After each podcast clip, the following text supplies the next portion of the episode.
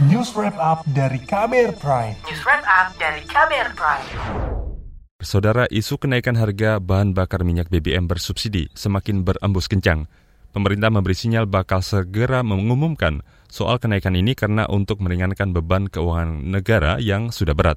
Berikut laporan yang disusun jurnalis KBR Astri Septiani. Pemerintah terus mengeluarkan sinyal bakal menaikkan harga BBM bersubsidi. Di antaranya melalui pernyataan Menteri Koordinator Bidang Kemaritiman dan Investasi, Luhut Binsar Panjaitan pada pekan lalu. Menurut Luhut, Presiden Joko Widodo bakal mengumumkan kenaikan bahan bakar minyak atau BBM subsidi pada pekan ini. Menaikkan harga Pertalite yang kita subsidi cukup banyak dengan juga tadi solar. Itu modeling ekonominya saya kira sudah dibuat. Nanti mungkin minggu, minggu depan Presiden akan mengumumkan mengenai apa, bagaimana mengenai kenaikan harga ini. Jadi Presiden sudah mengindikasikan tidak mungkin kita pertahankan terus demikian. Karena kita harga BBM termurah sa kawasan ini. Luhut mengatakan, saat ini pemerintah sedang berhitung untuk menaikkan harga BBM bersubsidi. Menurut Luhut, subsidi yang dikeluarkan negara lewat APBN untuk BBM sudah terlalu membebani keuangan negara. Beban subsidi ditargetkan berada jauh di bawah 502 triliun rupiah. Pernyataan terbaru dikeluarkan Wakil Presiden Ma'ruf Amin. Menurut Wakil Presiden, kenaikan harga BBM bersubsidi saat ini masih dibahas dan digodok oleh pemerintah. Ia mengatakan, beban subsidi BBM yang ditanggung pemerintah sangat besar, mencapai lebih dari 500 triliun rupiah.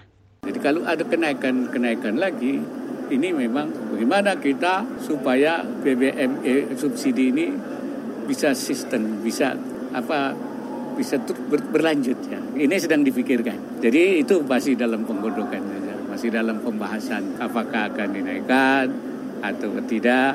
Tapi bagaimana supaya ini berjalan dengan baik. Jadi APBN kita bisa menopang, tetapi juga uh, tidak kemudian kemudian kita sampai tidak mampu memberikan subsidi. Ini di sisi lain, Ketua DPR Puan Maharani mengatakan, hingga saat ini belum ada usulan dari pemerintah terkait kenaikan harga BBM bersubsidi. Ia meminta masyarakat menunggu soal kejelasannya dari pemerintah. Kenaikan BBM itu kan yang memutuskan pemerintah, eksekutif, bukannya legislatif. Jadi kita tunggu aja apakah kemudian e, pemerintah nantinya menyikapinya itu dengan seperti apa. Yang pasti kan dalam pidato tanggal 16 yang lalu kami DPR sudah menyampaikan bahwa agar pemerintah siap e, me, me, menggunakan APBN secara efektif, efisien dan memprioritaskan kepentingan masyarakat itu. Sebelumnya, anggota Komisi Bidang Energi di DPR Mulyanto meminta pemerintah segera mengeluarkan aturan terkait pembatasan konsumsi BBM bersubsidi. Dengan begitu, kuota BBM bersubsidi tahun ini tidak jebol. Jangan hanya mengeluh dong, kalau yang perlu hemat ya mainnya, jangan hanya himbau-himbau. Orang nggak mau dihimbau di SPBU, harus ada aturan kan. Itu aja kita kan, ya, ya kan sebagai anggota DPR kan eh, lebih pada pengawasan ya. Melihat ya pemerintahnya sendiri yang ya, yang lambat, kalau ini biasakan serius. Sekarang misalnya udah bulan apa?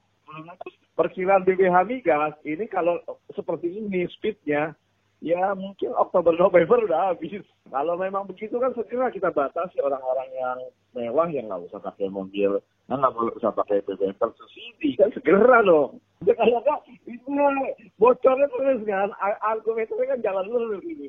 Sementara itu, kalangan pengamat energi meminta pemerintah membuat kebijakan yang bisa meringankan beban subsidi APBN, tapi juga tidak memberatkan masyarakat. Pengamat energi dari Indonesian Resources tadi, Marwan Batubara mendorong pemerintah menyiapkan formula berkelanjutan yang konsisten terkait subsidi bahan bakar minyak atau BBM.